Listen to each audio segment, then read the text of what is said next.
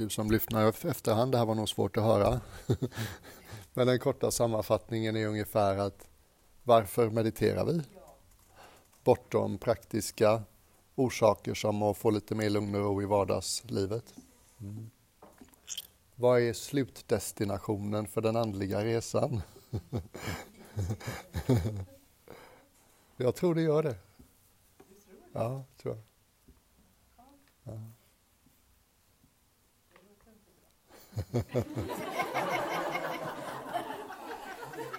Jag tycker det låter jättebra.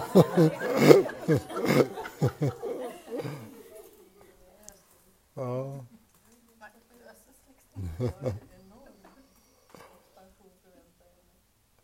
Låt mig ta ett exempel som många av er säkert känner till. Eh, Eckart Tolle är en sån här stor eh, andlig gestalt i västvärlden nu.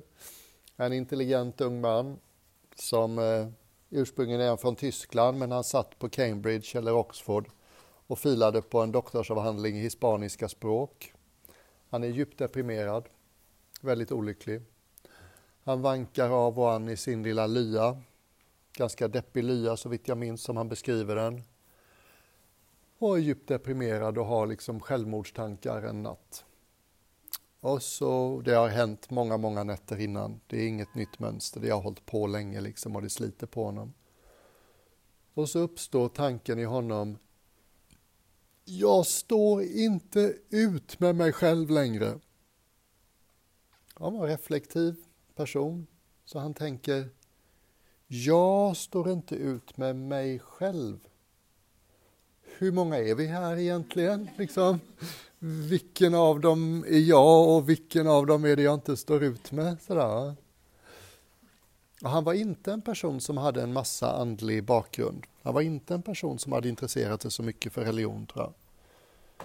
Och genom den liksom korta frågeställningen som gjordes genuint uppriktigt intresserad så vändes hans uppmärksamhet i den ovanliga riktningen. Jag, mig, mitt. Det där ordet som vi använder så mycket allihopa varje dag, vad pekar det på? Och för honom så vidtog en helt liksom självständig och autonom process som bara typ han har en del minnen från de första timmarna efter det, men inte så himla mycket. Men när den processen var över så vaknade han och insåg att det är inte Eckart Tolles ego som tittar ut genom de här ögonen längre. Det är rent varsevarande, pure awareness säger man på engelska. Mm. Så liksom det är ett sätt att tala om det, att slutmålet med den andliga resan är att inte längre leva från egot, från det begränsade personliga, utan helt plötsligt så upptäcker man att jag har tillgång till det stora, till helheten. Visst, i den här begränsade formen, men ändå. Mm. Mm. Och när liksom den hårda identiteten med egot faller bort så blir ju sådana saker som kärlek ganska naturliga. Om jag inte sätter upp en mur mellan dig och mig genom att identifiera med mitt ego och allt som kommer med att identifiera med mitt ego. Jag måste få som jag vill, jag måste ha rätt. Kommer du att gilla mig eller inte? Vill jag välkomna dig eller inte? Liksom allt det här som händer i separationen. Så jag tycker den historien är rätt fin och ren och visar också på att man behöver liksom inte studera andliga texter i 18 dekader, liksom årtionden, för att på något sätt få tillträde till det innersta rummet. Det fanns en, eh, jag tar Byron Katie som exempel, en eh, väldigt driven fastighetsmäklare i Kalifornien. Hon hade grymt temperament väldigt sådär eh, intensiv person, reaktiv person. Henne, hon var arg så mycket så hennes barn flyttade ifrån henne och flyttade hem till sin pappa för de orkade inte med henne liksom. Kolerisk. Och till slut har hon någon slags sammanbrott och hamnar på en sån där, eh, ni vet, i Amerika så är det ju så konstigt med alla de här privata sjukförsäkringarna, så allt som hennes sjukförsäkring kunde erbjuda när hon hade ett nervöst sammanbrott, det var en plats på en husvagnspark. Och husvagnsparken var för kvinnor med ätstörningar. Liksom. Hon hade inte en ätstörning, hon hade ett nervöst sammanbrott. Men det var vad som erbjöds.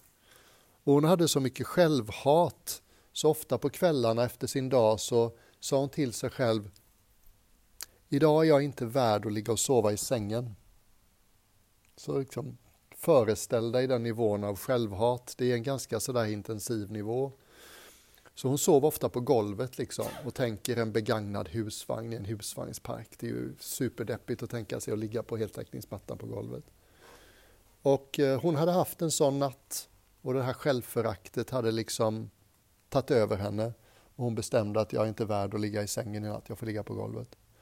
Och nästa morgon så vaknar hon och slår upp sina ögon och det första som faller in i hennes synfält det är en kackerlacka. Och så inser hon, det här är det vackraste jag har sett i hela mitt liv. Vad är det som händer liksom? Och sen vänder hon riktningen, uppriktning, liksom uppmärksamheten inåt istället. Men den här känslan av jag som jag brukar ha, liksom, här inne sitter jag och tittar ut på världen, den har jag inte längre. Det är liksom rent varsevarande som tittar ut, samma uttryck. It was no longer me looking out of my own eyes, it was pure awareness. Mm. En annan sån lite mer thailändsk historia som jag tyckte var så fin. Den här skogstraditionen som jag berättade om tidigare idag. Den är väldigt sådär icke-akademisk, nästan antiintellektuell. De nästan dissar skrifter och studier. Väldigt mycket sådär, meditera själv så ser du själv. Strunta i de där trötta dammiga böckerna som är 2000 år gamla, det är inget att ha liksom. Så därför när man upptäckte en skogsmunk som dessutom var liksom intellektuellt tränad så var det lite spännande. Och han hette Lung Podun, väldigt sådär älskad av thailändska kungafamiljen, den gamla kungafamiljen.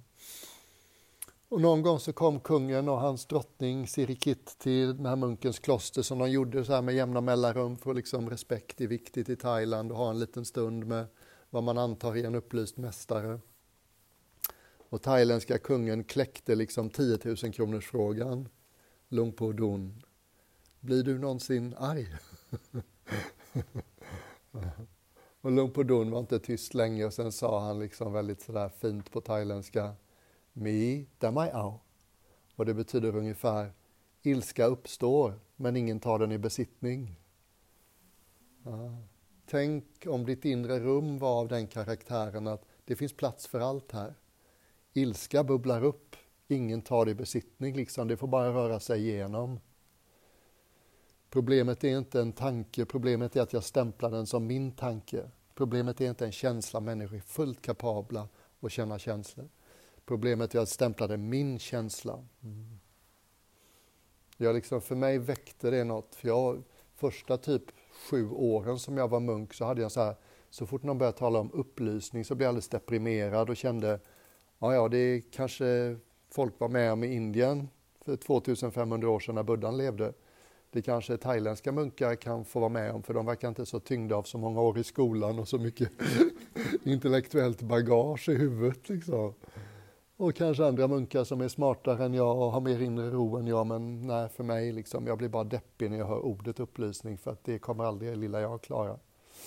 Så jag tyckte om de här historierna som gjorde upplysning mänskligt. Är ni med mig? Och den historien gör det attraktivt. Ja, just det. Tänk att få tillgång till liksom hela det inre rummet, upptäcka hur stor och kapabel jag är.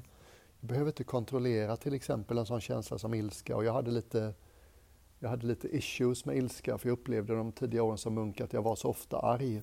Jag skämdes över att jag var arg och som buddhistmunk ska man ju vara någon slags blandning av Dalai Lama och Nalle Puh liksom. Harugaru är förbannad halva tiden liksom. Det är ju djupt genant. Men är du alltid i total harmoni? Nej, fråga min fru. Men eh, nej, det är jag inte. Jag tror vi har olika mönster vi människor. Så att det är, så, det är inte så att vissa är harmoniska och vissa inte utan vad som får oss att gå igång ser olika ut. Jag är nog ganska stolt, liksom.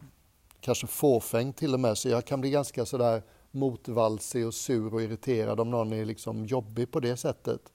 För någon annan är det kanske liksom att bli övergiven som är det stora, så de är inte så känsliga för om någon säger du vet inte vad du pratar om eller jag håller inte alls med dig. Men de är superkänsliga för minsta signal som skulle kunna indikera att jag kanske vänder mig om och går bort och inte kommer tillbaks. Eh, så jag tror vi har liksom olika, det är som att bucklorna sitter på olika ställen i själen för oss om du, om du vill. Va? Och det är ofta lätt att se andra svagheter. Vi kan ofta vara ganska blinda för våra egna. Och jag tror en av sakerna som händer med människor som är intresserade av de här sammanhangen, det är att man har börjat se lite av sina egna bucklor i själen och förstår att det finns saker jag kan göra utan att andra behöver ändra sig, som jag sa innan. Nej då.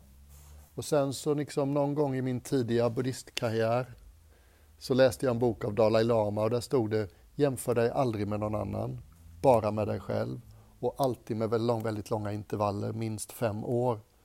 Och jag var typ 25 när jag läste den och liksom, jag hade inte gjort något i hela mitt liv i fem år då. Så jag tyckte det var en evighet, men idag ser jag det kloka i det rådet, just det.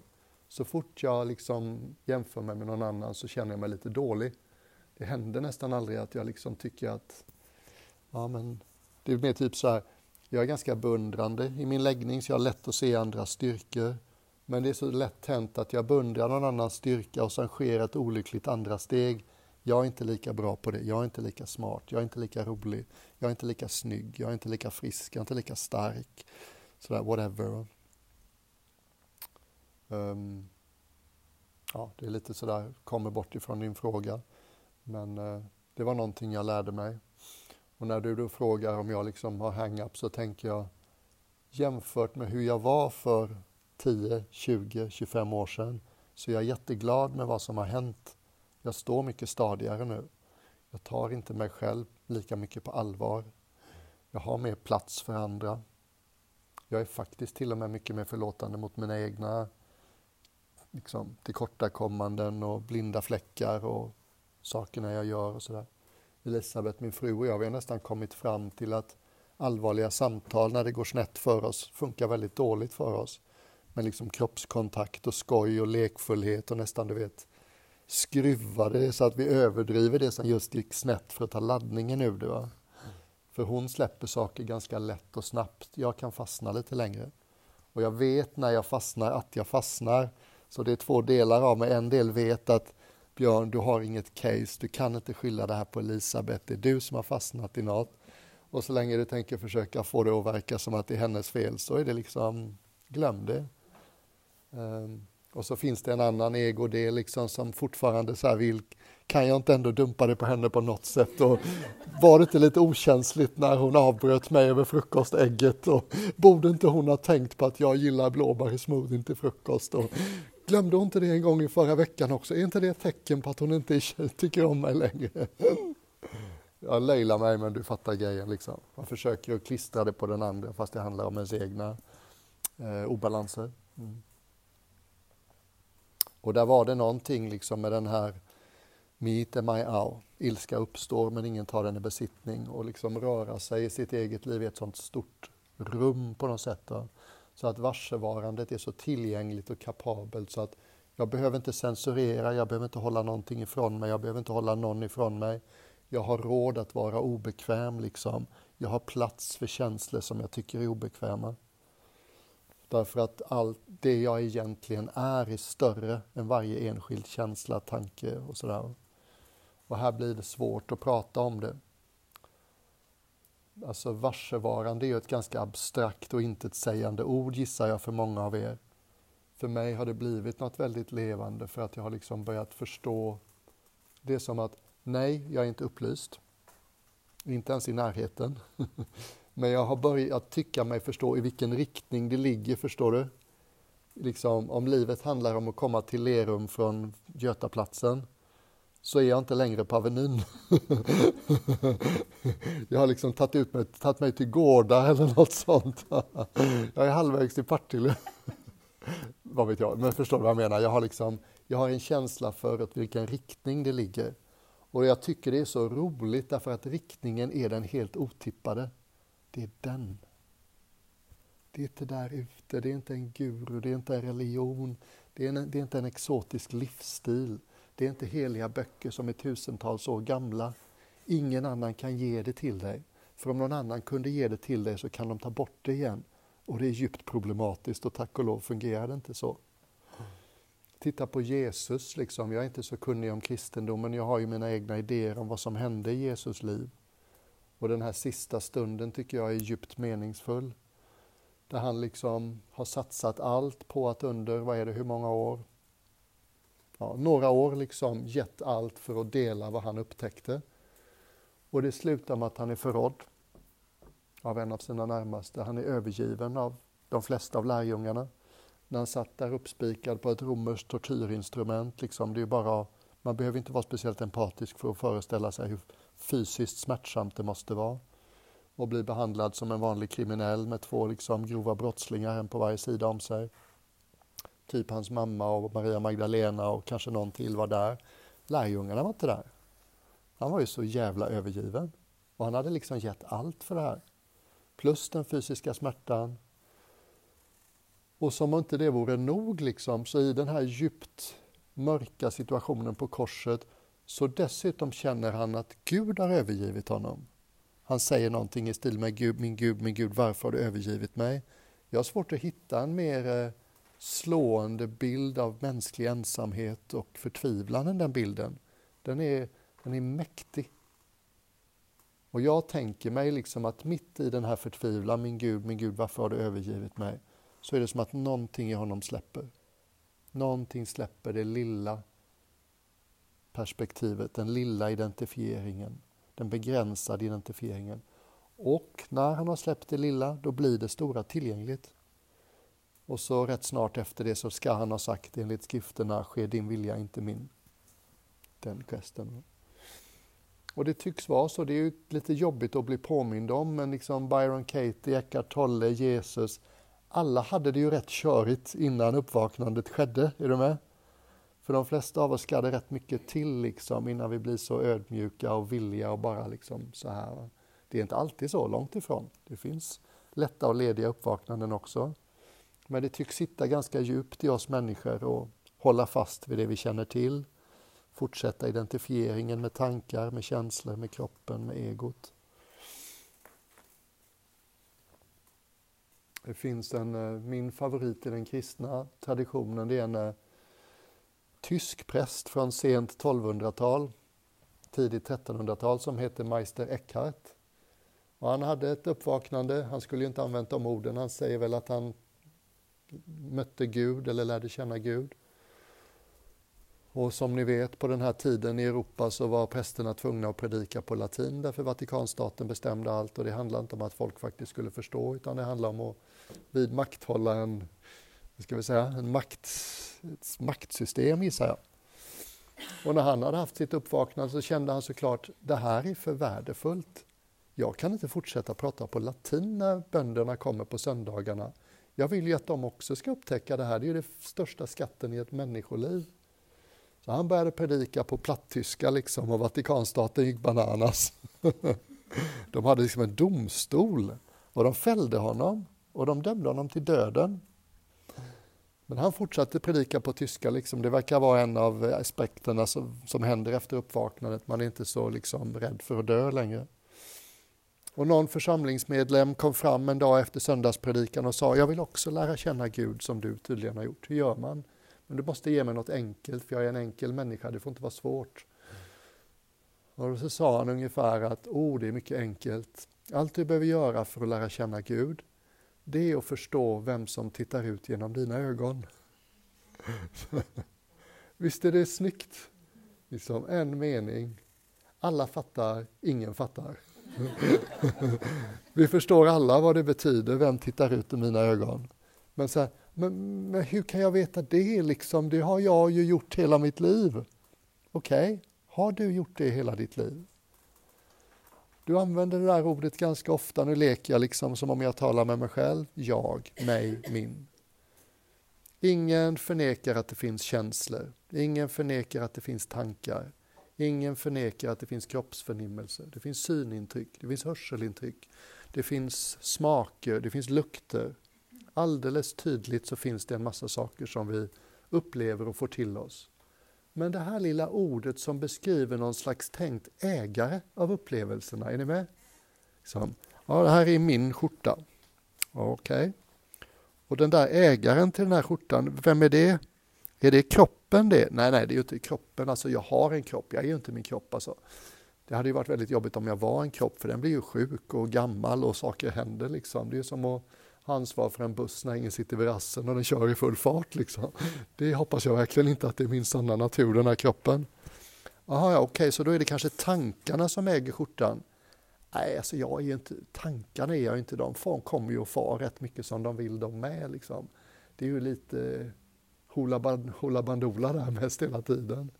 Ja, ja, men är det känslorna som är du då, som är ägaren? Ja, ja, känslor känns ju lite närmare kroppspulsådern än tankar, det måste jag säga. De påverkar mig mer och ligger närmare hjärtat, men alltså jag har ju ingen kontroll över mina känslor nästan alls. Då hade jag ju bara varit kåt och glad och tacksam hela tiden. Liksom. Som Mia Skäringer. Så att nej, jag kan ju trots allt inte vara mina känslor. Då hade jag ju sett till att ha mycket skönare känslor. Och inte gå omkring och vara arg och ledsen och ensam och rädd och ängslig emellanåt.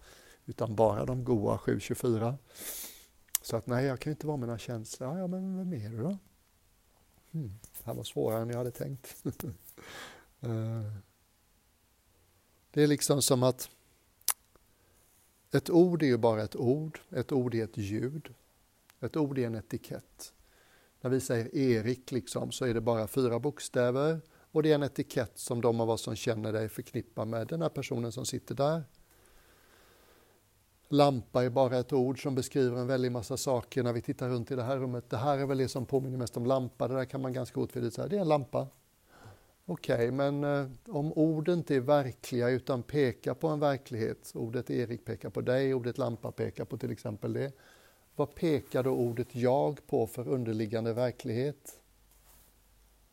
Om ord är vägmärken, liksom, vad är destinationen för vägmärket jag?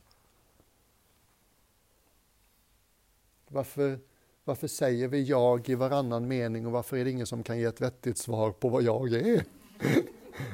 Det är liksom den smutsiga, genanta lilla hemligheten mitt i varje människoliv. Och man så här, hur kan jag inte ha tänkt på det här innan? Och Buddha var väldigt tydlig liksom. Det här är en av de tre dörrarna till evigt liv. Det är så här, rätt mäktigt påstående liksom. Det här är en dörr in till att liksom vakna upp till det varsevarande som aldrig har börjat och aldrig tar slut. Och eftersom jag inte är uppvaknad eller upplyst eller frälst eller kalla det vad du vill så kan jag inte tala om det här med liksom full kompetens. Men det är väldigt roligt att upptäcka att människor som vaknar upp i helt olika traditioner, de är alltid överens. Är ni med? Man skulle kunna tro att någon som var kristen och tyckte sig ha sett Gud skulle liksom bråka med någon som var buddhist där man inte pratar så mycket om Gud utan mer om något slags opersonligt nirvana eller så. Men det händer ju inte. Det, var så, det är så kul att upptäcka det. Liksom apropå vad du sa, är, det liksom, är alla på väg åt samma håll? Är det olika mål? Jag har en känsla av, nej. Det finns olika stigar upp för berget men alla hamnar på samma topp. Och då har man samma utsikt allihopa. Mm. Och jag är glad att det finns många stigar. En del människor är mer liksom hjärtcentrerade. Jag märkte att jag njöt så mycket av musiken Anna spelade under yogapassen. Det blev sådär väldigt himmelskt för mig. För att det var liksom solen råkade lysa in under bägge yogapassen. Jag fick mjukaste, gossigaste, tjocka mattan. Det kändes som att liksom gossa med ett får. Liksom. och så musiken och så temperaturen var rätt och rörelserna var så mjuka så det var liksom inte jobbigt. Jag var orolig att jag inte skulle greja det. Det var så här, det här är halvvägs till himlen med den här musiken liksom. Det bara satt. Och människor som liksom nära till hjärtats väg, då vill man liksom då vill man att det ska finnas uttryck för konstnärligt inslag i ens andliga resa. Vare sig det är musik eller målning eller sång eller dans eller du vet, whatever. Att liksom själen ska få komma till uttryck. Och en del är mer intellektuella, då är det mer liksom kunskapens väg. Ställa frågan liksom, vem är jag? Vad är jag? Vad är upprinnelsen till upplevelsen av jag? Finns det plats för det? Ja? Folk som tycker att de har ett stort ego och har svårt att lita på någon annan. Ja, men då kan det faktiskt vara en god idé att lämna över sig till en pålitlig mästare och säga, ske din vilja, inte min. Jag testar dig nu. Jag tänker lämna över till dig och jag tänker göra som du säger nu i tre månader. Och sen kommer jag utvärdera om du är någon att lita på. Ja. Det kallas bhakti, den vägen på indisk andlighet och den är ganska ovanlig för västerlänningar men den finns där. Hare Krishna bygger lite på det. Man trummar liksom och lämnar över sig till någonting större. Och den funkar, mm. även om den är lite hotfull för de flesta västerlänningar för vi gillar inte idén att lämna över vårt ansvar till en guru. Det är klart det är viktigt att välja att man lämnar över det till någon som går att lita på. Mm. Så att det finns olika vägar såklart, olika religioner. Och när jag liksom börjar förstå var någonstans det ligger, då kan jag ju känna igen det i en massa olika traditioner. Som kabbala-traditionen, den indi eller judiska mystiska grenen. Där finns det mycket som pekar åt precis samma håll. Um, du har islams mystiska gren, liksom sufi. De som har alla de här, de har ju liksom Rumi, Kabir, Hafiz, det finns ju flera människor som liksom skriver sina dikter på ett sätt som att man känner de lyfter på, de lyfte på draperiet och såg verkligheten som alltid har varit. Och jag tycker om den känslan. Jag tycker också om känslan att det som jag kallar den djupaste skatten i ett människoliv, att leva som rent varsevarande. Det är ingen som har mer eller mindre av det, är du med? Donald Trump har lika mycket av det som du eller jag. Men det finns vissa sätt att leva som gör det mera tillgängligt. Mm. Satsar man allt på egoism, girighet, aggressivitet, självupptagenhet så är det väldigt svårt att ha tillgång till det. Om man istället satsar på liksom integritet, leva livet med rak rygg, ta fram det som är fint i människan, så ofta det går när tillfälle bjuds. Hellre fria än fälla, hellre förlåta än döma. Komma ihåg att folk gör saker av en massa skäl. Ofta känner jag inte till hela bilden, så håll igen lite innan jag blir arg eller dömer ut någon. Då blir det mer tillgängligt. Det är den där skogskärnen liksom. Vattnet är klarare, det är lättare att se vad som är vad. Mm. Och många lärare, sådär, Adyashanti, han skriver ju en del dikter. Och hans, liksom, han kan möta en människa, det var någon dikt som jag inte läst den på fem år, men den gick ut ungefär på att han möter någon som säger typ Ja men du, kan inte du hjälpa mig att hitta det som du verkar ha hittat ungefär? Va? Och så, så är hans gensvar, Adyashanti, är bara Ah, there you go again pretending. Vi är liksom alla upplysta varelser som går och låtsas att vi är oupplysta. Det är ett oskyldigt misstag som har hänt liksom. Av ett eller annat skäl så har vi misstagit oss för vem vi är. Vi är inte den vi tror vi är. Vi tror oss vara det här präglande, betingade egot som har liksom, i mitt fall, 57 år bakom sig och hej och hå. Någon av mina lärare sa, det är som att leva i en liten garderob och tro att det är vårt hem. När vi egentligen bor liksom i ett 28-rummars mansion liksom. I fullständigt makalösa omgivningar. Vi vet, vi har ingen aning om hur stort vårt egentliga hem är. Och jag tycker det är något poetiskt rättvist med att det där hemmet ligger närmare än någonting annat. Det är liksom den här riktningen. Vem tittar ut genom dina ögon? Och jag fattar om du blir frustrerad när du hör mig prata, för jag blev frustrerad de första tio åren. Någon av mina lärare tog upp det här ämnet. Jag bara fick en spärr, alltså jag bara slutade lyssna när de pratade om det. För jag, och det stämmer, ett intellekt kan inte förstå det här.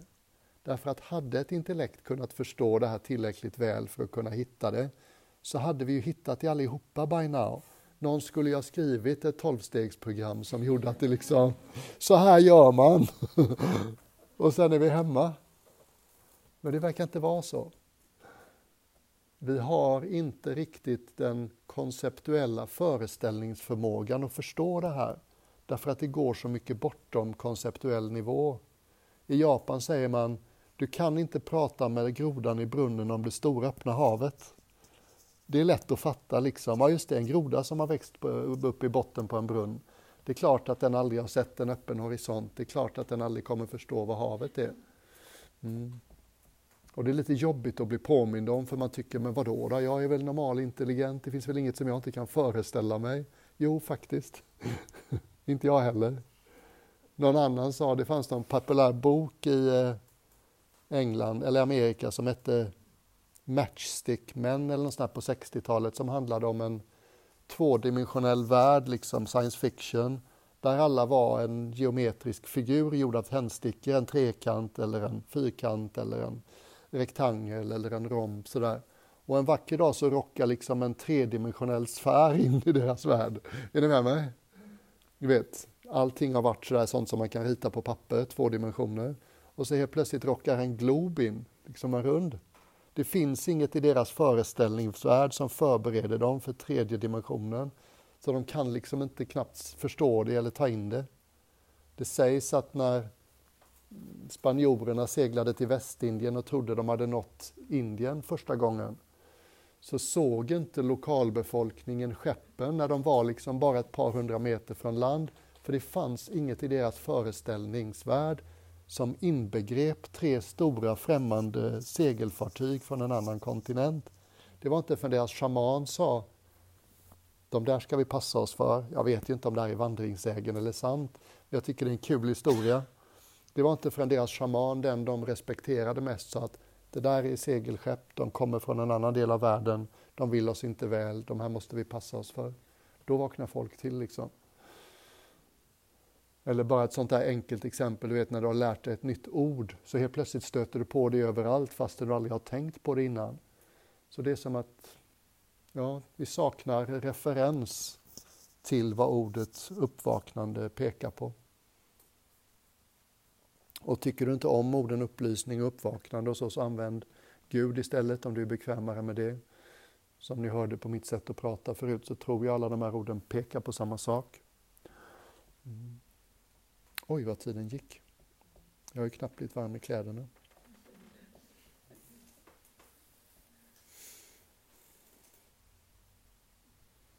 Det är lätt att höra de här tankarna som jag presenterar nu som shit, alltså det där låter lite för avancerat för lilla mig, alltså det är nog ett par livscykler kvar till jag ens kan börja intressera mig för det här. Um, och min känsla är att det funkar inte så, det är liksom Hemligheten är att det ligger så mycket närmare än vad någon någonsin skulle kunna tänka sig. Jag tog lite poetisk frihet i sista meditationen och försökte peka på det här. Vad har varit exakt likadant sedan du var ett litet barn? Vad är det ändra i ditt medvetande som inte har ändrat sig sedan du var fem år gammal? Vad är det som har suttit på din axel, lite billigt talat, och viskat kom hem så länge du minns? Varför bär så många av oss på känslan nästan hela tiden, inte riktigt där än? Ja? Varför bär så många av oss på känslan, det måste finnas något mer. Är det här allt? Ja.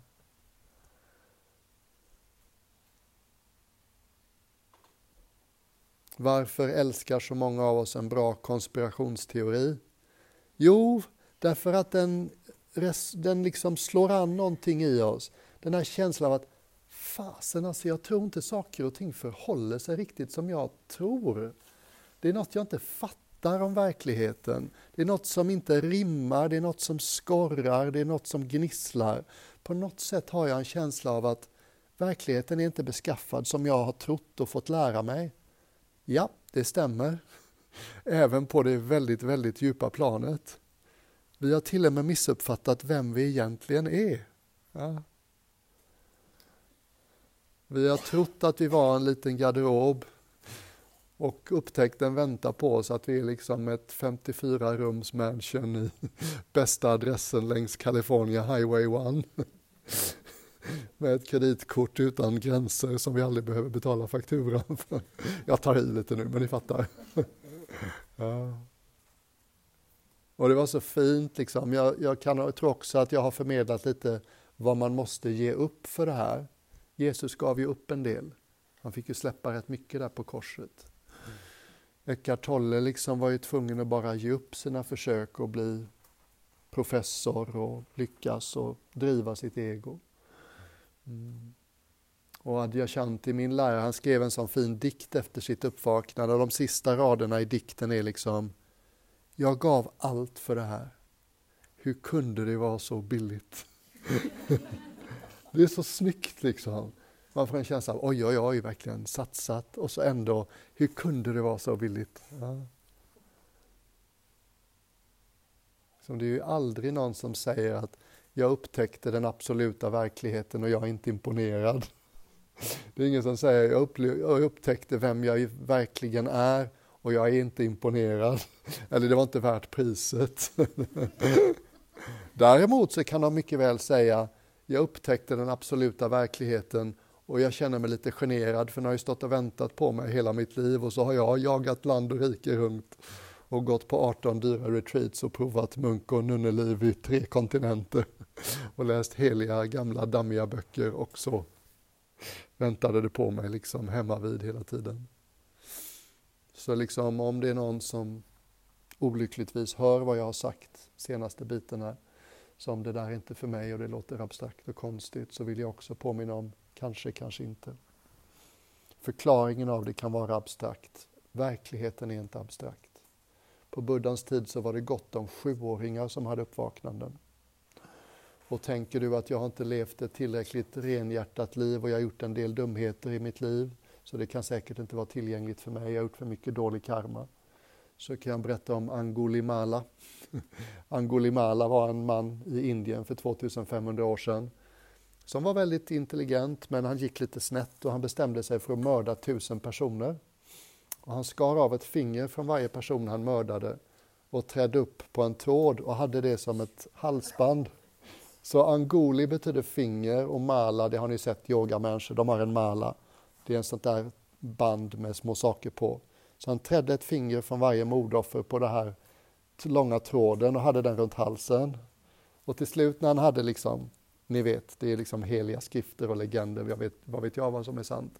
Men historien är att han hade 999 fingrar på sin då ganska vidriga och jättestora halsband och så ser han Buddha gå i en skog liksom. Och han börjar jaga honom och Buddhan gör något liksom magiskt trick så att Angulimala är stor och stark, han springer fort allt vad han kan men han hinner inte ikapp Jesus fastän Jesus bara lunkar på liksom oskyndat. Och han når fram till slut och Jesus och liksom Angulimala säger stopp, stopp. Och så säger Jesus, eller så säger Buddha, jag har redan stoppat. Är det inte dags att du också stoppade?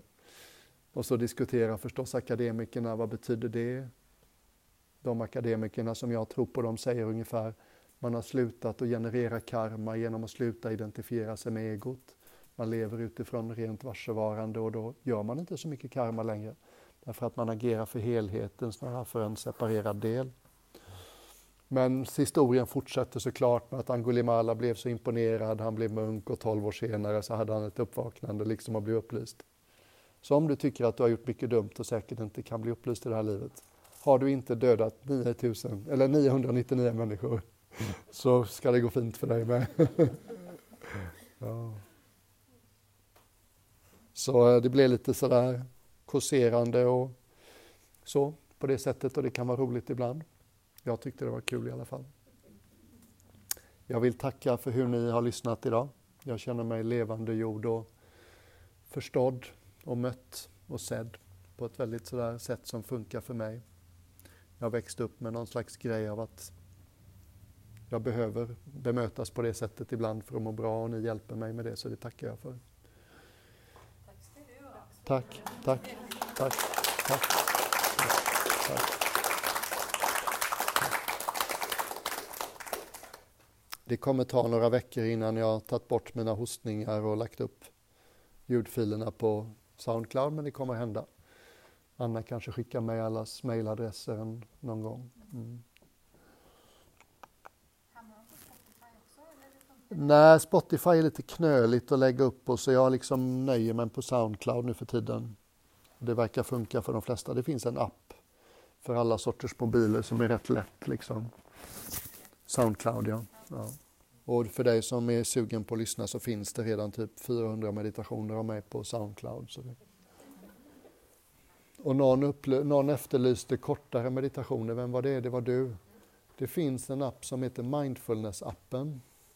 Och där spelade jag in tio styck, eller fem stycken meditationer som är mellan sju och tio minuter långa. Jag tror de kostar nio spänn styck eller något, men de finns där. Anna, du? Mindfulness-appen, ja. Anna, ville du säga något? Vad sa du? Ja, ja.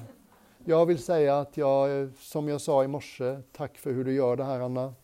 Det är så lätt att göra det med dig. Du hittar alltid schyssta ställen, du är så flex och du har någon slags sådär, jaha, du tänkte si och jag tänkte så och det blir aldrig något problem utan vi bara går med den ena, det ena förslaget. Du drar till dig en ganska liksom vuxen, andligt mogen publik, det tycker jag om. Det, är inte liksom, det finns något i gruppen som gör att redan från början kändes det ganska lätt att sätta sig här och prata. Och det uppskattar jag. Och det har säkert att göra med dig och det har att göra med det du ägnar dig åt. Liksom. Yogamänniskor är ofta, de är liksom redan i kroppen på ett annat sätt än många. Och det har säkert med annat att göra också. Ja, eller hur? Ja.